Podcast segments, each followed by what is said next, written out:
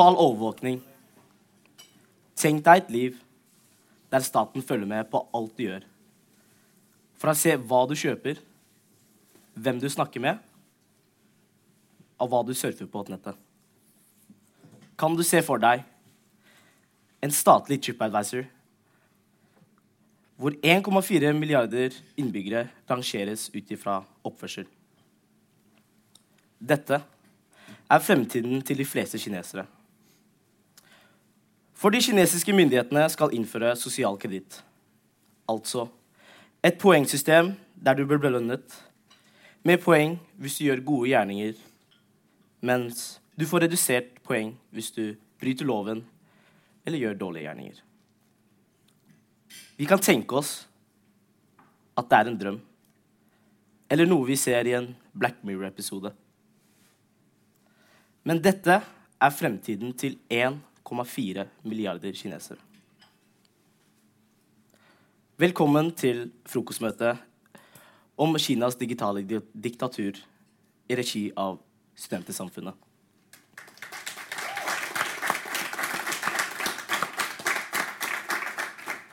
Med oss i dag vi eh, oss i dag for å diskutere dette temaet eh, har vi med oss teknologikommentator og byråleder i Coxit Public Relations, Magnus Brøyn. Takk, takk. Eh, vi har også med oss eh, ansvarlig redaktør eh, for norske Le Monde Diplomatikk, Remi Nilsen. Mitt navn er Johan, og eh, jeg skal være deres møteleder i dag.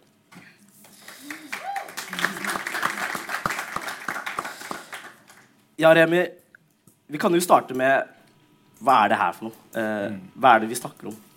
Uh, jeg- jeg tenker Vi kan liksom begynne kanskje litt sånn historisk. Begynne fra begynnelsen av. Altså, hele ideen og navnet ligger jo i noe som har vært i eh, Vesten siden 50-tallet. At du har begynt å finne en beregning for hvordan du skal vurdere folks kreditt. rett og slett. Altså Kredittvurdering som alle kjenner til i Norge. I Norge så har det jo alle som har åpna en bankkonto, og alt har jo fått et brev fra et eller annet selskap der de har fått tilfredsstillende eller ikke tilfredsstillende. Om du er dømt nord eller ned, eller om du kan få lov til å være så heldig å få kreditt. rett og slett. Eh, Kina har ikke hatt noe sånt system. Altså, de har ikke utvikla det før relativt seint. Først i 1999 så var det det at de skulle begynne å sette ned og lage et ordentlig system. Altså, Fram til det så har liksom Kina vært en kontantøkonomi i stor grad. Og da har liksom dette her balla på seg. Altså I 99 så kommer de og skal lage det. Mye pga. utenlandske selskaper som kommer inn og òg vil ha den kredittsjekken og vil ha ratingen av selskaper av kinesere de skal forholde seg til. Så det har det balla seg på at det, ok, nå har vi dette systemet. Det vestlige systemet er ikke så veldig godt.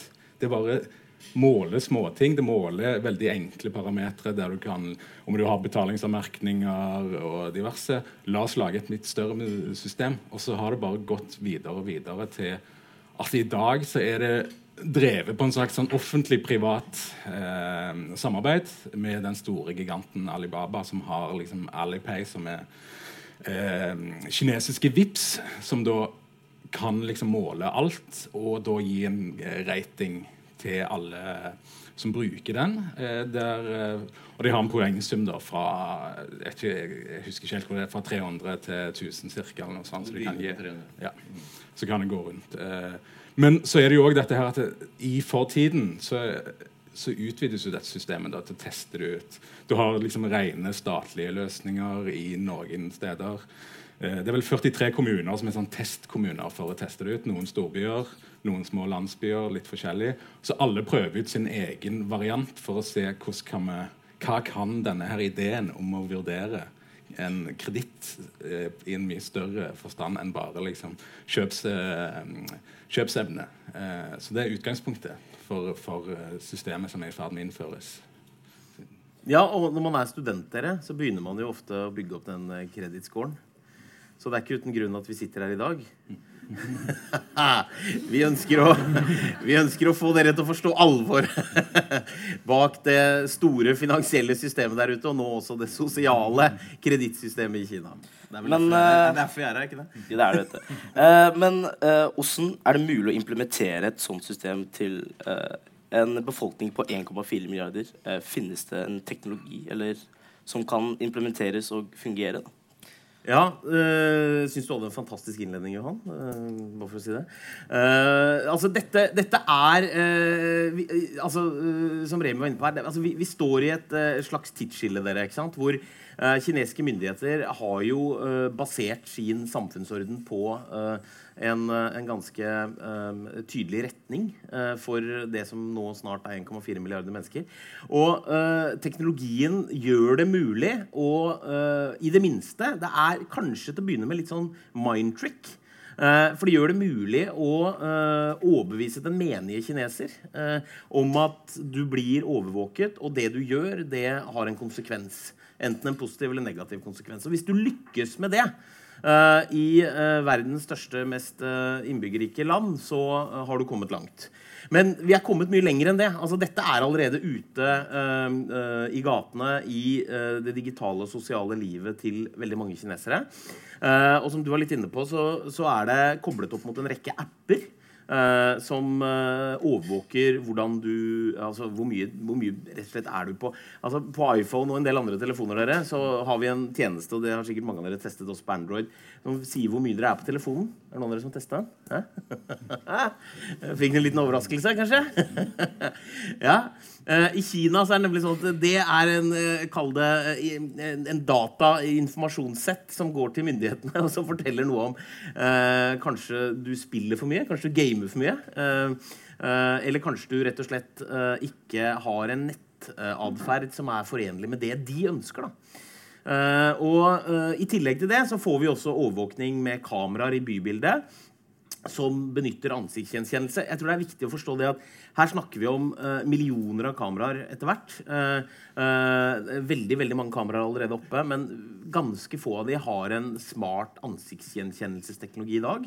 Uh, og det de i stor grad ønsker å gjøre, er å fange, fange det vi kaller på norsk rågjengere. Syns jeg er et fantastisk ord. Uh, altså de som driver med jaywalking. Uh, som går på rødt lys, altså, rett og slett. men bakgrunnen er at hvis 1,4 milliarder kinesere går på rødt lys, dere, hva skjer da? Ikke sant? Prøv å tenke dere det. Prøv, prøv å stå der den morgenen hvor alle 1,4 milliarder kinesere går på rødt lys. Fungerer det veldig bra? Ikke sant?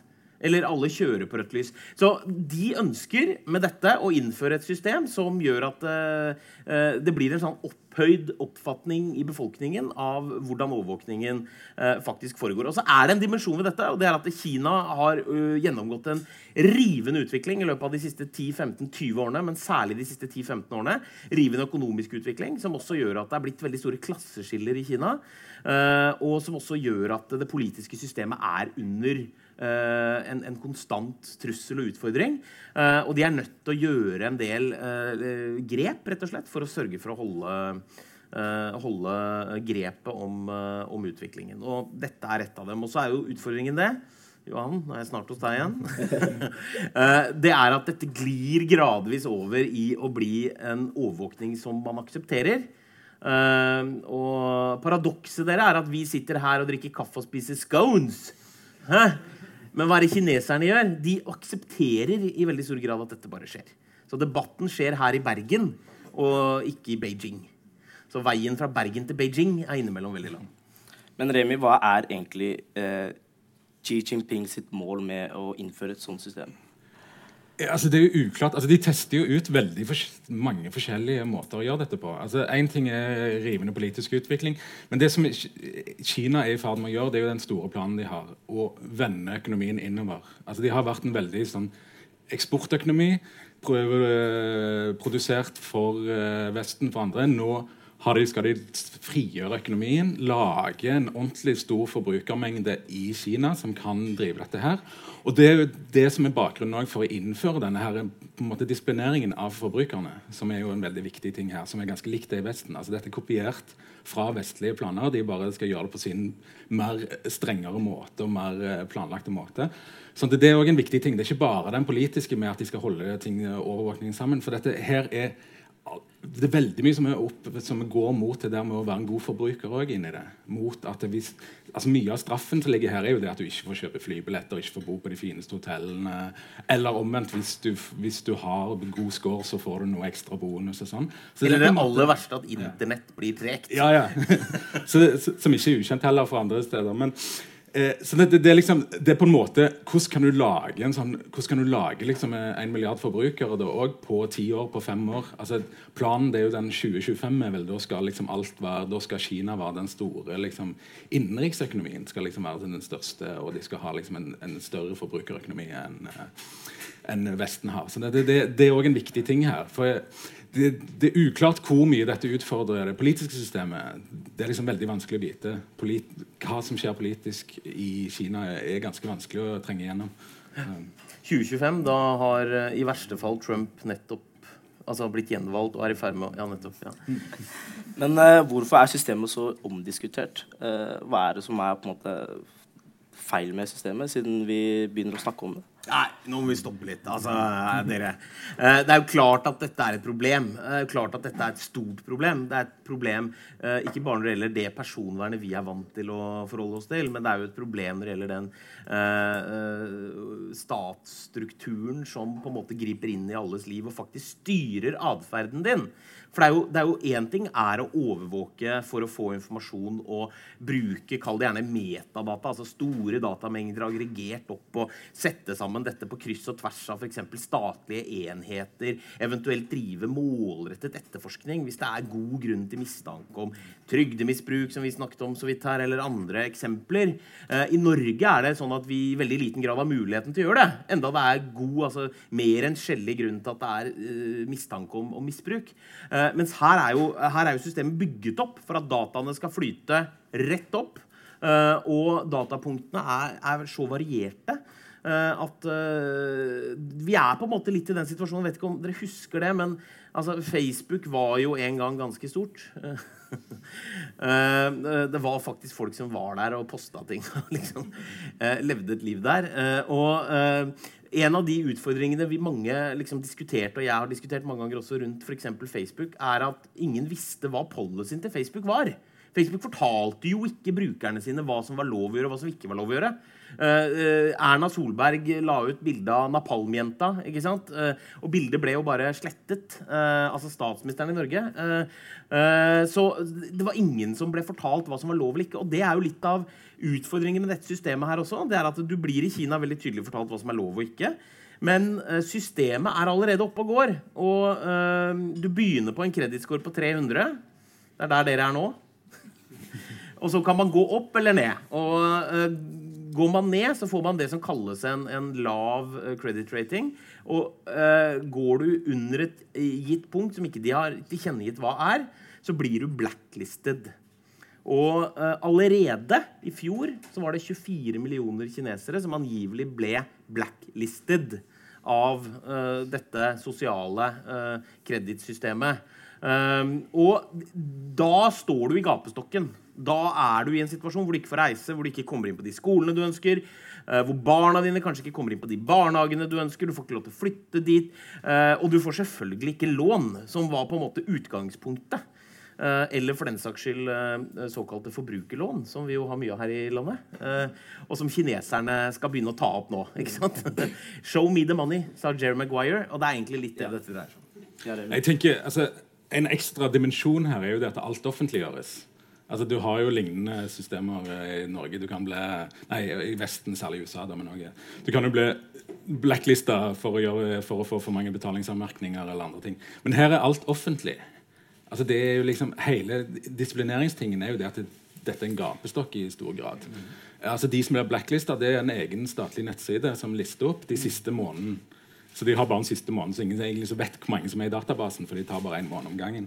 Eh, samtidig så er det jo liksom noen byer der de har testa ut å henge opp plakater, ansikter av hvem som er. I mindre byer så de liksom, roper de opp på, på liksom torget hvem som har blitt eh, gjort det godt, og hvem som har gjort det dårlig. Så det liksom, den, den der sosiale dimensjonen her er jo mye av det som gjør det veldig veldig skummelt. At du får liksom en sånn direkte eh, gapestokk som òg gjør det veldig vanskelig å liksom, De splitter opp folk mer. Så det er mye vanskeligere å protestere mot en sånn ting enn liksom, hvis det alle liksom, hver for seg finner sammen og finner ut at de misliker dette systemet, istedenfor at noen blir hengt ut hele tiden. Så er det, liksom, det er en sosial dynamikk her som, er, som blir liksom er noe som er, egentlig ikke har blitt testa ut før. Altså i så stor skala. Eh, som, som, ja, Men det er, det er, åpent der ute. altså bare som Et eksempel, eh, et av de største prestisjeprosjektene i Kina når det gjelder infrastruktur, er dette uh, hurtigtoget Bullet Trainet mellom Beijing og Shanghai.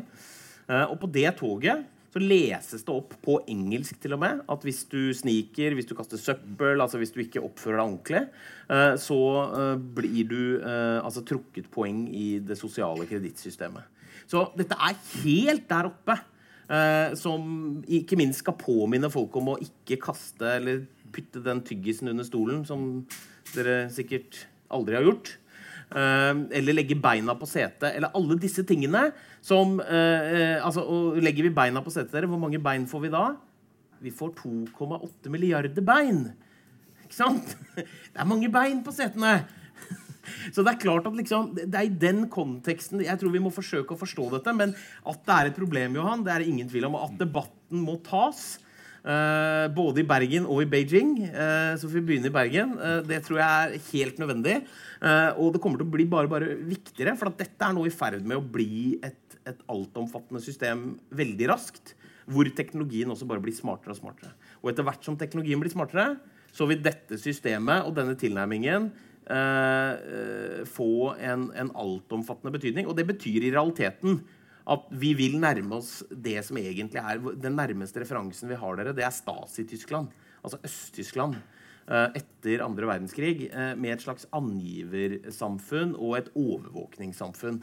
Og det er rett og slett fordi at de hadde ikke den teknologien til å utnytte uh, uh, i møte med liksom, overvåkningssamfunnet. Men, men, når kineserne gjør det, så har vi i 2025 da er Trump på vei ut.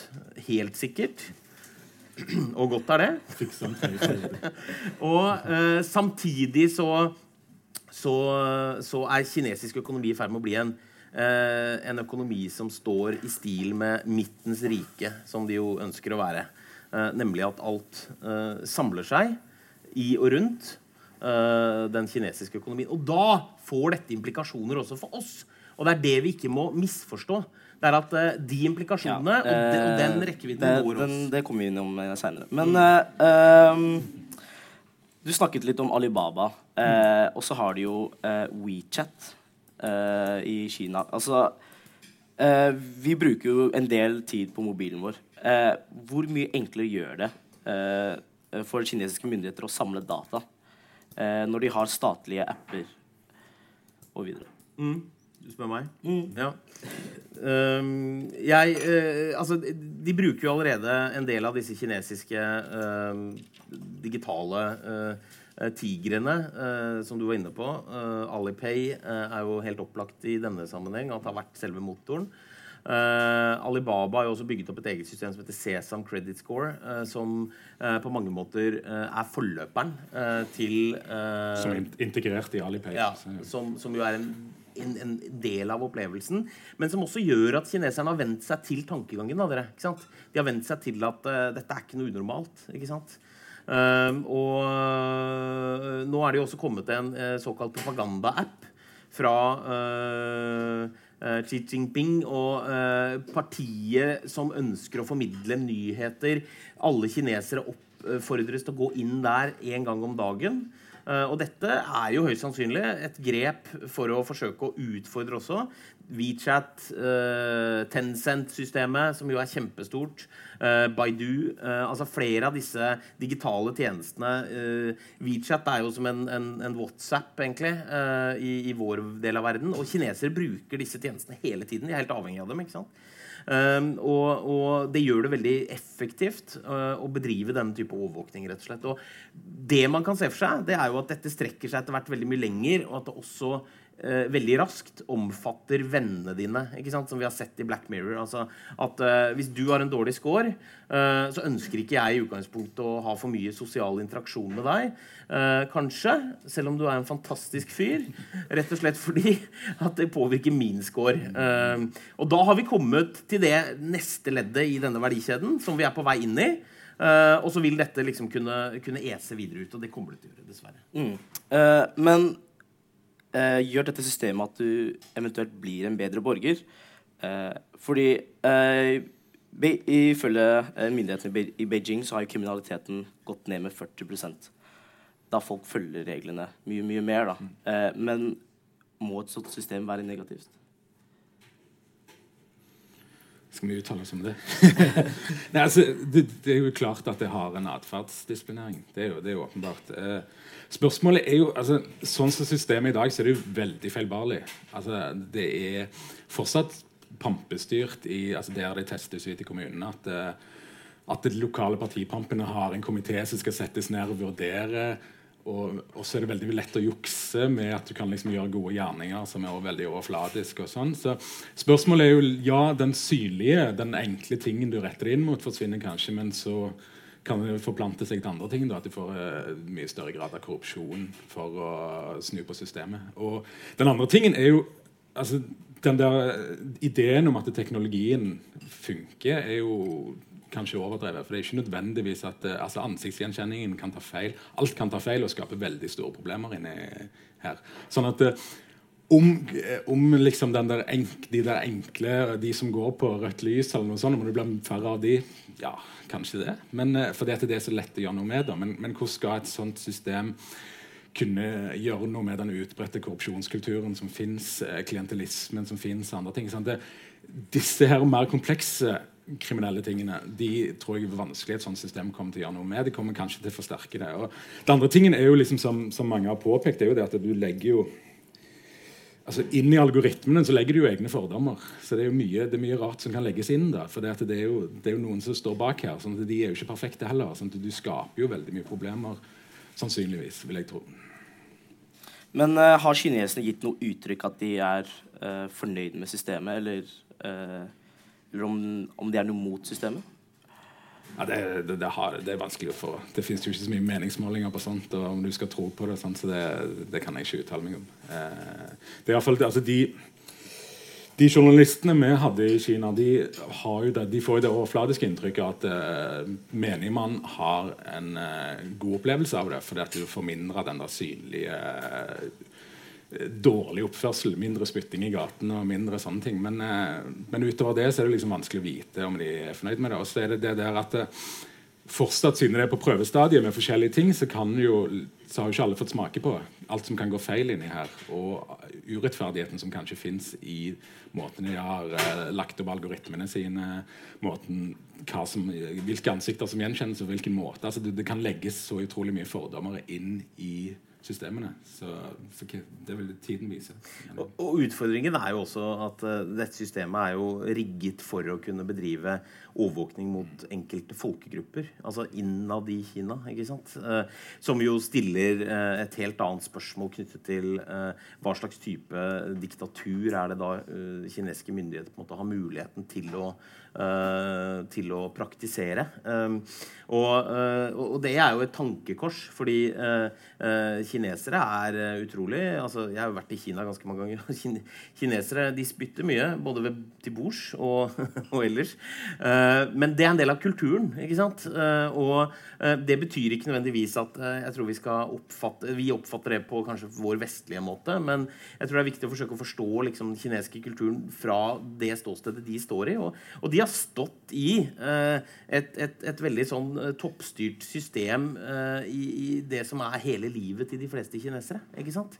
Og da er det også sånn at eh, skal du begynne å stille spørsmål ved dette nå, skal, man begynne å, skal Norstat ringe rundt til menige kinesere på bygda og spørre Du lurte på en ting her. Jeg ringer fra Lillehammer. Uh, Lillehammer in Norway. Eh, hva syns du egentlig om den overvåkningen du er utsatt for?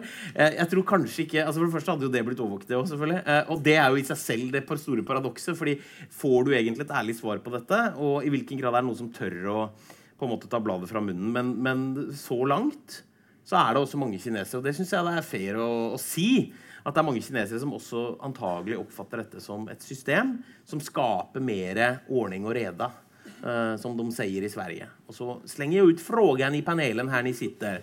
Gillar ni ordning og reda, eller? Men uh, Kina innførte jo det her i 99, eh, og så implementerte de det her i 2014. Men hvorfor har det nå begynt å komme interesse med det, når det har på en måte foregått så lenge? Det har jo gradvis blitt utvikla. Og så er det jo det at det, det har jo kommet mer og mer fokus på det i, i vestlig presse. rett og slett. At Det har liksom det har liksom grydd litt. Altså Det første som kom ut, var jo det Sesamkreditt, som er jo liksom en litt sånn ligner mer på, på en sånn kredittvurderingaktig ting. Men så har du liksom de nye tingene som er testa ut. Eh, med diverse andre navn, som, som, er mye mer sånn moralske, som går direkte på folks moral og går på direkte på, på gapestokk. og sånn. Altså Sesamkreditt, da har du liksom en da ser du i Alipay eller i det miljøet der at hva din kredittscore er, og så er du ferdig med det. Mens de andre tingene, de, de andre systemene som testes, er mye mer direkte og mye mer eh, offentlige, der alt listes opp. der, der, der navn offentliggjøres i mye større grad. Så de tester ut grensen vel for hvor langt de kan gå, og hvor mye de kan bruke det til. og Det er jo derfor det har kommet stadig mer opp. Mm. Men uh, Sesamkreditt har jo også Det er viktig at alle her vet. Uh, kinesiske Tinder by who, eller hva det heter. Mm. Uh, altså Hvis du har en dårlig sesamkreditt, dere, så får du en dårlig altså, da får du dårlig score i datingtjenesten. Så uh, da kan du swipe så mye du vil, både hit og dit. Men, men det legges liksom på et slags filter da, som gjør at det, uh, du, du, får på en måte frem uh, kanskje de samme samme uh, kredittratingscore som deg, rett og slett. Like barn leker best. Men så er det jo egentlig det vi, de fleste av oss sitter her i dag, tenker. Bør vi i Vesten være redd for noe slikt? Om det eventuelt mulig kommer over til oss. Eller i hvilken grad den, uh, det treffer oss, da. Nå kom du dit. Nå kom jeg dit, vet. Der var spørsmålet. Ja, Johan. Uh, ja uh, Du avbrøt meg i stad i en sånn fantastisk tankerekke. Nei da.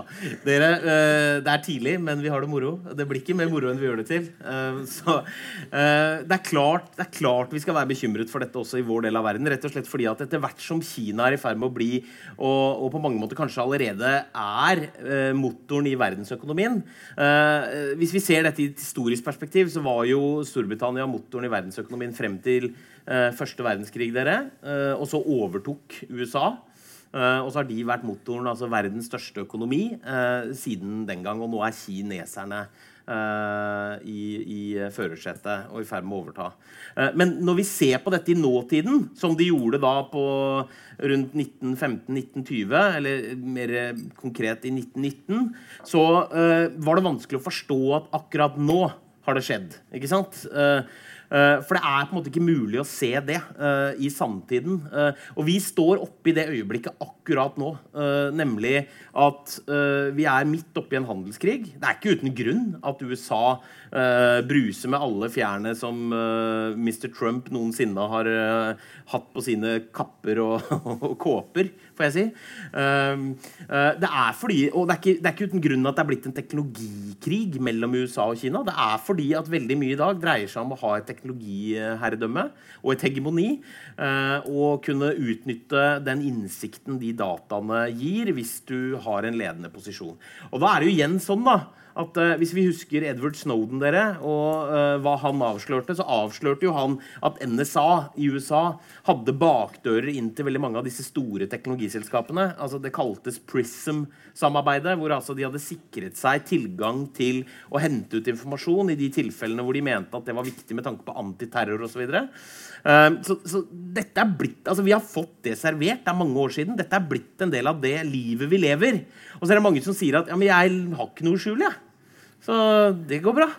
Men, uh, og da tenker jeg ja, det går kanskje bra for deg, men jeg er ikke ja. sikker på at det går bra for, for oss alle uh, som samfunn og system. Ja, jeg tenker altså Ideen bak hele systemet her er jo allerede vestlig. og du har det som er forskjellen mellom Kina og det vestlige, altså særlig det som skjer i USA, skjedde i USA de siste 10-15 årene, det er jo det at det, i Kina så er det jo liksom denne her offentlig-private samarbeidene. I, I, USA så, det jo, så, er det jo mye mer en sånn privat overvåkingskapitalisme som er i ferd med å rulles ut. Der, de bruker mye av det samme. altså det som er nå, Hvis du leier bil i USA, så, de, så kan du få liksom sånn der prisen synker og stiger etter hvor hardt du kjører eller hvor brått du bremser. Altså Alle disse her tingene ligger klart. altså Systemene ligger der fordi at du har putta måleapparater inn i de fleste tingene som, eh, som går ut. sånn at det, det er ikke så langt unna at du får en vestlig system ut av det. Det er bare det at det, det er ikke nødvendigvis staten som kjører det ut, men at det er private selskaper eller lignende. Sant? overvåkingskapitalismen er, på, eh, er i ferd med å komme, eh, men jeg tror ikke du vil få den samme statlige tingen. Du vil få en mye mer privat eh, styring av det, som, er, som, går ut på det samme. da, Atferdsstyring. Eh, ikke nødvendigvis atferdsstyring for politisk sikring, men atferdsstyring for profitt. Ja, bare som et eksempel, hvis jeg bare kan kort, altså I Norge har jo Rema 1000 sammen med Storebrand lansert en bilforsikring med en blackbox som du setter i bilen. Uh, og det uh, første året så får du kjøre sånn du vil. Uh, og så etter ett år så skal du ha en score. Og hvis den scoren din er for lav, så eh, får du en dyrere forsikring, eller du kan til og med få beskjed om at eh, du er ikke ønsket som kunde i ytterste konsekvens. Og da må vi se litt på hva er det de ønsker å oppnå.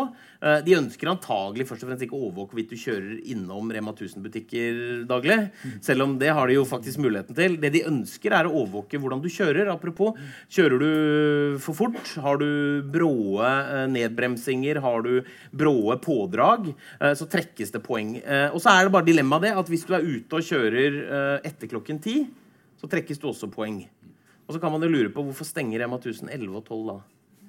Men uh, Det er en del paradokser uh, når ja, teknologien får, en, får, får, plass i forsetet. For si ja. sånn. vi har jo i Norge og Europa GDPR-regelverket og personvernregelverket. I hvor stor grad er vi beskyttet mot private eller statlige aktører bruker vår data? Uh, ja, altså GDPR er jo innført, det ble jo i Norge innført 1.6 i fjor. Uh, ble innført 25. mai i EU. Um, og uh, det er fortsatt ferskt. Uh, det har jo vært en rekke selvfølgelig GDPR-brudd. Jeg tror vi alle er utsatt for det hver eneste dag. for å være helt ærlig, fortsatt.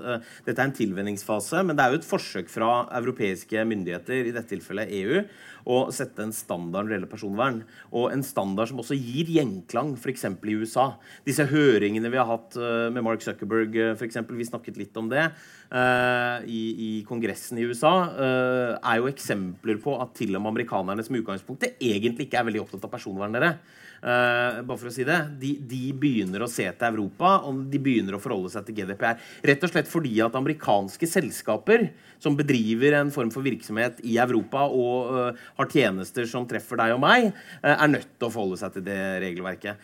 Men, men, som en tilnærming så tror jeg fortsatt at det viktigste vi kan gjøre når det gjelder personvern, det er, å, det er fortsatt ikke regulering, selv om det er utrolig viktig. Jeg tror det viktigste vi kan gjøre når det gjelder personvern, det er det du og jeg og vi alle kan gjøre. og det var det jeg var inne inne på i stad. Eh, det er viktig å legge bort den tanken om at jeg har ingenting å skjule, så da er det vel ikke så farlig. Og det er rett og slett utrolig viktig fordi at vi får det samfunnet vi på en måte fortjener av dere. Det er veldig mange eksempler på at hvis vi ikke tør å ta debatter som dette, også i hverdagen med oss selv, hvis ikke vi tør å på en måte bestemme hvor er det grensene skal gå, hvis ikke vi tør å ikke bare takke ja, som vi alle gjør hele tiden Har du lest og forstått disse vilkårene? Ja, ja, ja. ja, ja. Ikke sant? Gi meg nå for pokker det innholdet jeg vil ha, fortest mulig. Uh, utfordringen er selvfølgelig at det er vanskelig å ikke gjøre det. Uh, barrieren for å sette seg ned og lese Ja, og så har du brukt et kvarter på å lese, og du har fortsatt bare kommet uh, så vidt gjennom teksten, og så tenker du ja, men da dropper jeg den artikkelen, som jeg hadde vært ferdig med for 19 minutter siden. for øvrig. Altså, det, det, det er ikke mulig for oss å forstå, og da er reguleringen viktig. Det er viktig at myndighetene legger til rette for at vi får en mulighet til å sette opp et gjerde der vi ønsker å sette opp det gjerdet. Uh, og så er utfordringen det vi diskuterer her i dag, det er at for kinesere, den menige kineser, så er allerede deres hverdag indoktrinert i et system hvor de er vant til å på en måte ikke stille disse spørsmålene, i hvert fall ikke høylytt. Uh, og så kommer dette til å treffe oss. Du var litt inne på det, Johan. og jeg tror det er viktig å tenke da, at Når dette treffer oss, så er vi nødt til å forholde oss til en verdensorden som om ti år kommer til å være styrt av Kina. En økonomi som kommer til å være styrt fra midtens rike. Og eh, da er det kanskje litt sent å si eh, Jeg har jo ikke noe å skjule, så jeg vet ikke om det er så viktig. Ja, jeg tenker altså Personvern er én ting. Det andre tingen er at det er en god del prinsipielle spørsmål som ikke er avklart, som vil uh, gjøre det helt altså En ting er jo om personvernet uh, verner mot sånn type atferdsteknologi, sanntidsatferdsteknologi som kan eh, hvor For der trenger du ikke lagre så mye data. Det er liksom, du kan snike deg unna. Det andre tingen er jo liksom Eierskapet til data har aldri blitt egentlig avklart. Det har liksom, altså, hvorfor er ikke mine data, mine persondata mitt eierskap? Hvorfor kan det brukes fritt? Altså, disse tingene er jo noe som må avklares i større grad. Og det er der tenker jeg at den store radikale kampen vil være mot å eh, at, mot en større demokratisk kontroll over eh, hvordan utviklingen av teknologi går, er jo det at vi må definere eierskapet som vårt. Og så kan vi heller si at eh, finne måter å styre det på kollektivt, istedenfor at du gir det til private selskaper eller til totalitære stater. Eh, problemet er at vi eh, har blitt opplært dere til å, tenker jeg, da, eh, gi fra oss dataene våre. Eh, sosiale medier har de siste 15 årene fortalt oss at plattformen er så sterk. Eh, og opplevelsen, eh, også den mobile opplevelsen Hva er det dere griper til først om morgenen, dere? Jeg vet ikke om noen av dere har noen liggende ved siden av dere i senga? Men jeg tipper likevel på at det er den kameraten her som dere fort griper til. ikke sant? Og, og det er det livet vi lever, nemlig mobilen og den altoppslukende faktoren rundt det. Og så har Facebook og veldig mange andre tjenester lært oss at det er ikke våre data. Dataene gir vi bort til disse store selskapene, disse plattformaktørene. Og det er med på å gjøre dette mulig. Og hva er det egentlig som skjer, dere? Det som skjer, det er at eh, teknologien blir stadig mer menneskelig. Vi oppfatter at eh, teknologien ved bruk av algoritmer, med bruk av kunstig intelligens, klarer å forstå deg og meg på en måte som ikke vi selv klarer å forstå. Teknologien kan fortelle meg hva jeg er interessert i å se på TV, bedre enn det jeg selv kanskje egentlig klarer å fortelle meg det. Ja. Samtidig så blir teknologi, som teknologien blir mer menneskelig, så blir vi mer eh, maskinpreget. Fordi vi indoktrinerer oss til disse systemene. Og dette er egentlig det som muliggjør også utfoldelsen av denne type systemer som vi ser nå i Kina. Yes. Eh, tusen takk eh, for eh, en eh, fin debatt. Da eh, skal vi åpne for spørsmål fra salen. Yes, da har vi der Begynner nede. helt bak der, faktisk. Ja, jeg lurer på hvor stor del av systemet her er overvåkning, og hvor stor del er innsamling av data. Og det har vært mye snakk om Huawei nå i siste. Og er det liksom en arm som Kina strekker ut til verden for å samle data andre steder? Det er vel eh, Magnus. er det jeg som får den? Ja. Nei, altså Du stiller et bra spørsmål. Eh, hva er innsamling av data? Hva er overvåkning? Men jeg tror det er viktig å huske på det at eh, i den tiden vi lever nå, særlig fremover de neste årene, så er det på mange måter to sider av samme sak. Eh, overvåkning dreier seg eh, Det viste jo Edward Snowden-avsløringen også. At det dreier seg veldig stor grad om innsamling av data. Tilgang på data. Eh, veldig ofte tilgang på store mengder data, uh, metadata osv., som gjør at du kan se et mønster, som gjør at du kan utnytte innsikt, avvik, gjerne. Så er det klart at vi står vel også nå i en situasjon hvor data, dere, det er litt sånn slitt, men data er den nye valutaen. Det er jo ingen tvil om. Altså, så dataene dine og mine har vi snakket om når det gjelder bl.a. disse sosiale plattformene. ikke sant? Altså, De tjener penger på reklame, og det vi leverer, er tiden vår og dataene våre. Uh, og den som får tilgang til dette i et aggregert, uh, uh, liksom opphøyd system, får muligheten til å bedrive overvåkning. og, og sammenstille data på kryss og tvers på en måte som er unik. og Huawei kan vi kanskje komme tilbake til. Jeg vet ikke om noen andre kommer til å spørre om det. Kan jeg godt si noen ord om det? ja, Remi? Jeg bare tenkte jeg skulle ta en sånn litt sak på siden som jeg egentlig ikke har gått inn på, som går litt på det samme, som er dette her måten ting brukes på, altså som, er- som er liksom amerikanske dronekrigen, som er den målet avvik. Eh, Det er algoritmer som plukker ut målene i, eh, i disse opprørssonene. og Alt skjer nærmest automatisk. Det må kanskje én offiser til for å godkjenne at de faktisk tar ut noen. Men der er det atferdsmønster. Eh, ofte sosiale medier aggregeres. Det, har de i, det gjorde de i Irak i lang tid. For å finne avvik. Og dermed begå drap uten at du har noe kriminalitet eller noe bevisst. Og det er jo liksom en del av dette her som òg kan komme inn, som er liksom den virkelig skumle tingen. at hvis du hvis, hvis, det blir mer utbredt, at du får den type bruk av det at du allerede har samla inn dataene, og så kan du bruke det. Så da har noen sånn mellomting mellom overvåkning og lagring. og alt. Altså, det er vanskelig å skille mellom hva som er hva, for dette, det ligger da klart til å brukes til en overvåkning. Eller til at det, alt det bare automatiseres til å plukkes ut i det øyeblikket du får et avvik som du ikke vil ha. Yes, eh, Var det flere spørsmål i salen? Det har vi Ja. ta det. Um, dere nevnte jo litt det at um, dataene som er nå, blir jo da brukt til ting vurdert av hva man har gjort. Um, det var en eh, film under Biff i 2017 som gikk på det at um, man vurderte hva innbyggerne var kapable til å gjøre. Og det bygger jo litt videre på det du sa. at Er det da på en måte det digitale systemet 2.0? At man ikke bare ser på hva en innbygger har gjort, men hva de da er kapable til å gjøre. Og så straffer de for det. Altså det, er jo, det, er jo, dette, det amerikanske forsvaret har jo forsøkt å gjøre det lenge. Altså Det begynte med Irak-krigen, og da lagde de en god del sånne forskningsprogrammer for å finne ut hvordan kan vi hvordan kan vi finne de såkalte insurgents? Fordi at de er liksom helt umulig å finne liksom, for soldater som går rundt i Bagdad og kikker. Så de må liksom spore dem på en måte. De fant ut ja, sosiale medier, koble sammen hvem er de snakker med på sosiale medier rundt. Eh, men det har jo vist seg at det var utrolig dårlig. da, for De skulle liksom lage det store planen. De skulle òg finne ut hvor opprør oppstår. Eh, problemet var liksom at det, opprør oppstår som regel ikke på sosiale medier. Det er liksom oppskrytt at de, de, de, kommer i fattige deler som egentlig er litt ekskludert fra den biten. Sånn at allerede liksom ved å de du samler inn mest data fra, er liksom de mer lovlydige delene av samfunnet og mer velstående delene. Liksom, de har hatt store problemer med å få det til å funke. rett og slett. Eh, og, altså det med signature strikes og sånn er jo, altså det er jo en sånn, Jeg vil jo si at det er en eh, ganske sånn brutal folkerettslig brudd, men det er jo, juristene er ikke enig i det, da, for dette er liksom lovløse områder. Men der har du liksom det mest groteske utslaget med at, uh, at uh, bønder på pakistanske landsbygden kan bli drept fordi at de oppfører seg feil. Mm. Altså, sånn mm. Ja, uh, et veldig relevant spørsmål.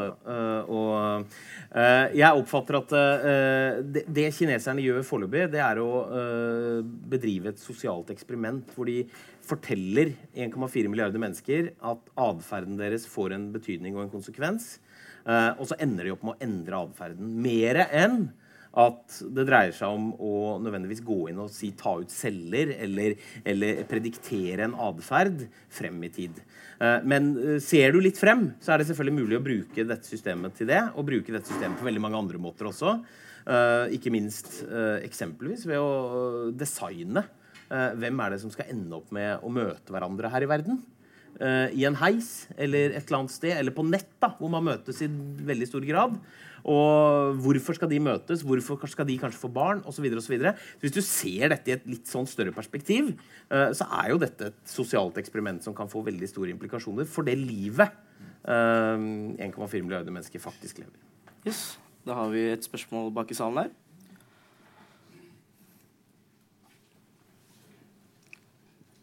Ja, hei. Jeg lurte, jo, lurte på om dere noen tanker angående dette her som hvis vi skal kalle det for noe autoritært teknokrati basert på stordata som et alternativ styreform til demokrati. Er, er, det, tank, er det, land som har vurdert Eller som Kina eksporterer denne her, eh, denne her dette til? for å si det sånn, Eller er det land som sjøl syns at dette her var en god idé å ta over? Altså, ikke så jeg vet om sånn foreløpig, men du, du, krever en ganske stor altså du krever en infrastruktur her. Eh, og det er jo utfordringen til Kina da, at det, altså store deler av kinesiske landsbygder de har jo ikke smarttelefonene, de har ikke appene der de kan se eh, sine sin. De, de, trenger ikke alt dette som er. Sånn at det, du, du, må ha en enorm eh, infrastruktur, du må ha forbruksmønster og en del andre ting for å få det til. og de de statene der det ville vært aktuelt, de har ikke den eh, strukturen til å gjøre det, tror jeg. Så, så det virker ikke som foreløpig at det er noen eh, totalitære stater som har eh, vært så veldig tent på, på ideen, og heller bruke gode, gamle voldsmetoder. Ja, du må, det, kort innspent. Altså, du må ha um, du, For det første tror jeg du må være et ganske stort uh, land, en stor økonomi. Uh, men du må også ha et uh, politisk system som tillater dette, og som ikke bare tillater det, men som ønsker det. Eh, og ikke minst så må du ha et lukket system som gjør det mulig at du har disse egne appene. Som gjør det mulig at du har en, en mentalitet i befolkningen som ikke dreier seg om å bruke Google eller Facebook eller hva det skulle være. For da har du ikke muligheten til å aggregere opp disse dataene, rett og slett.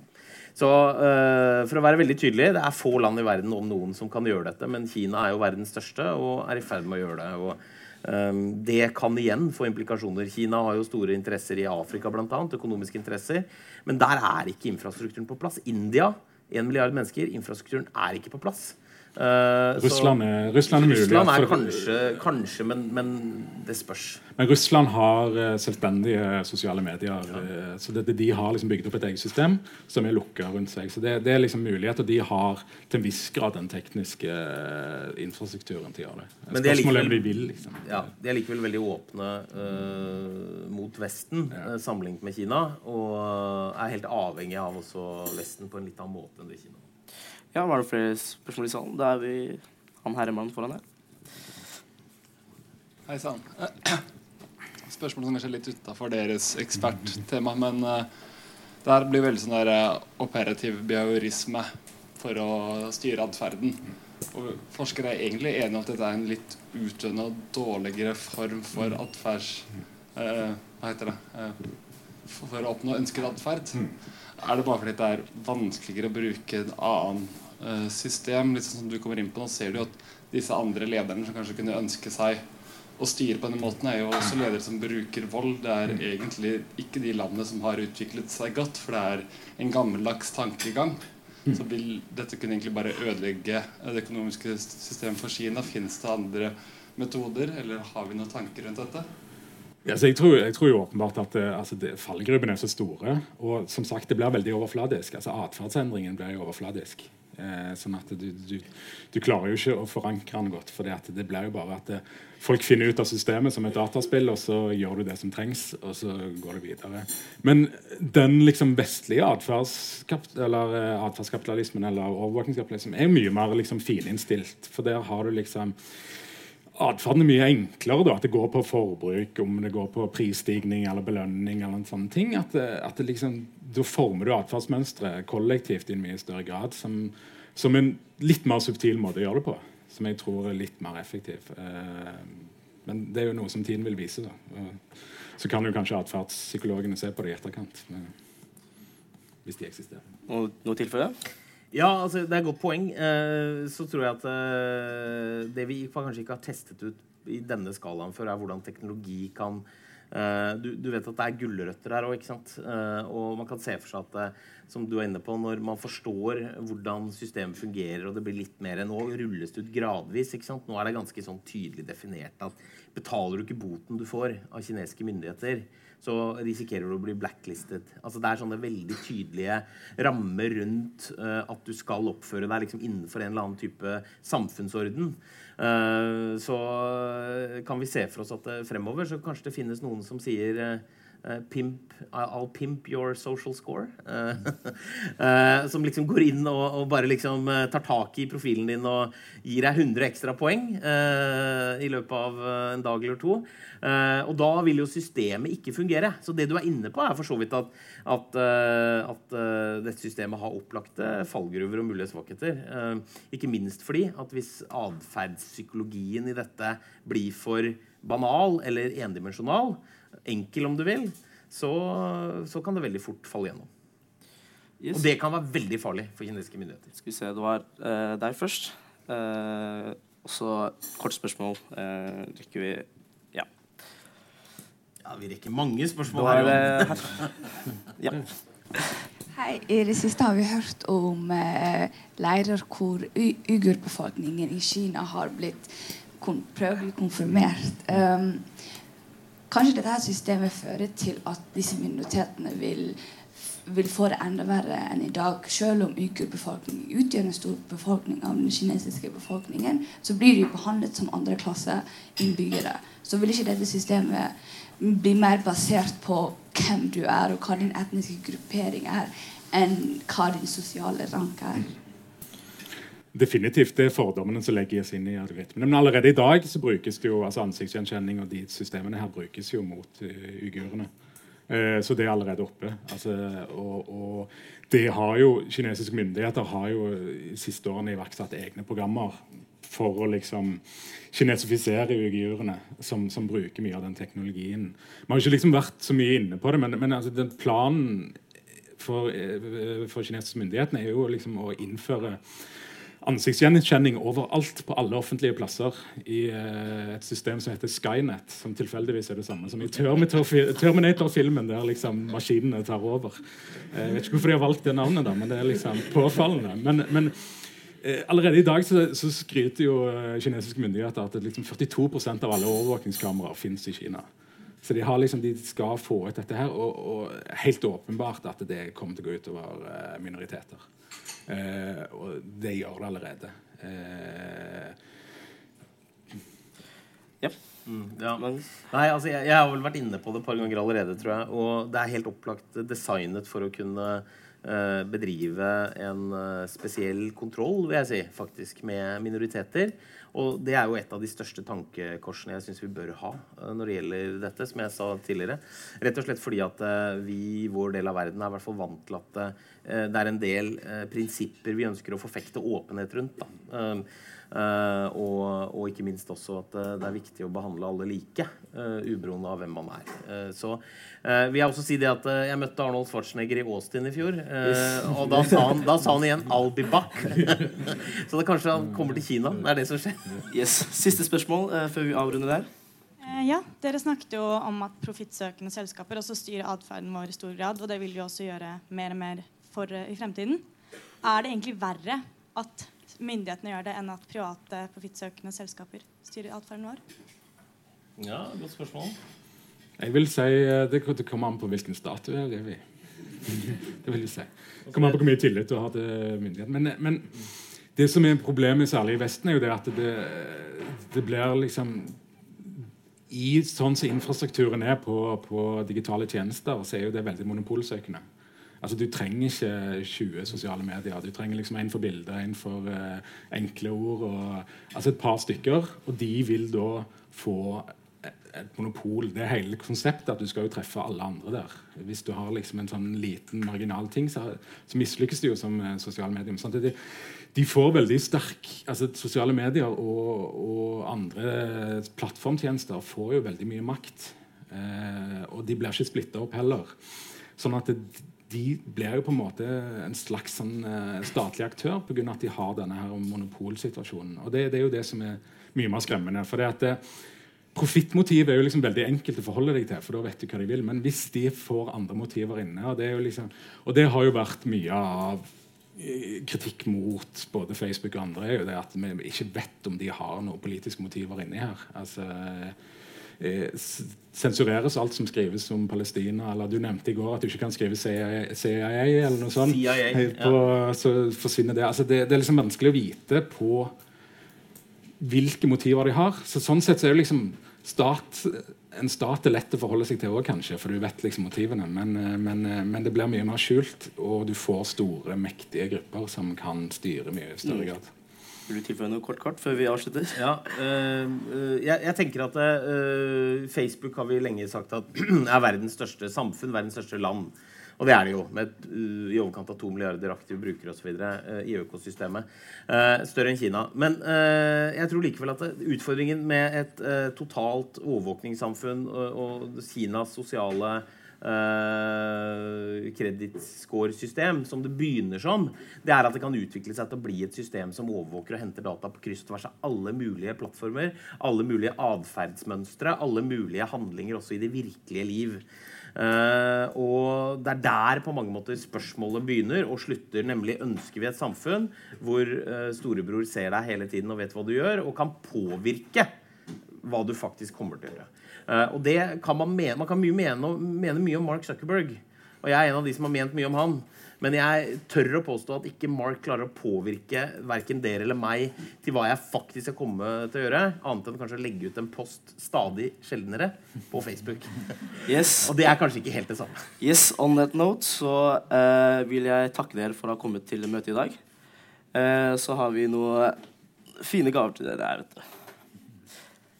Oi!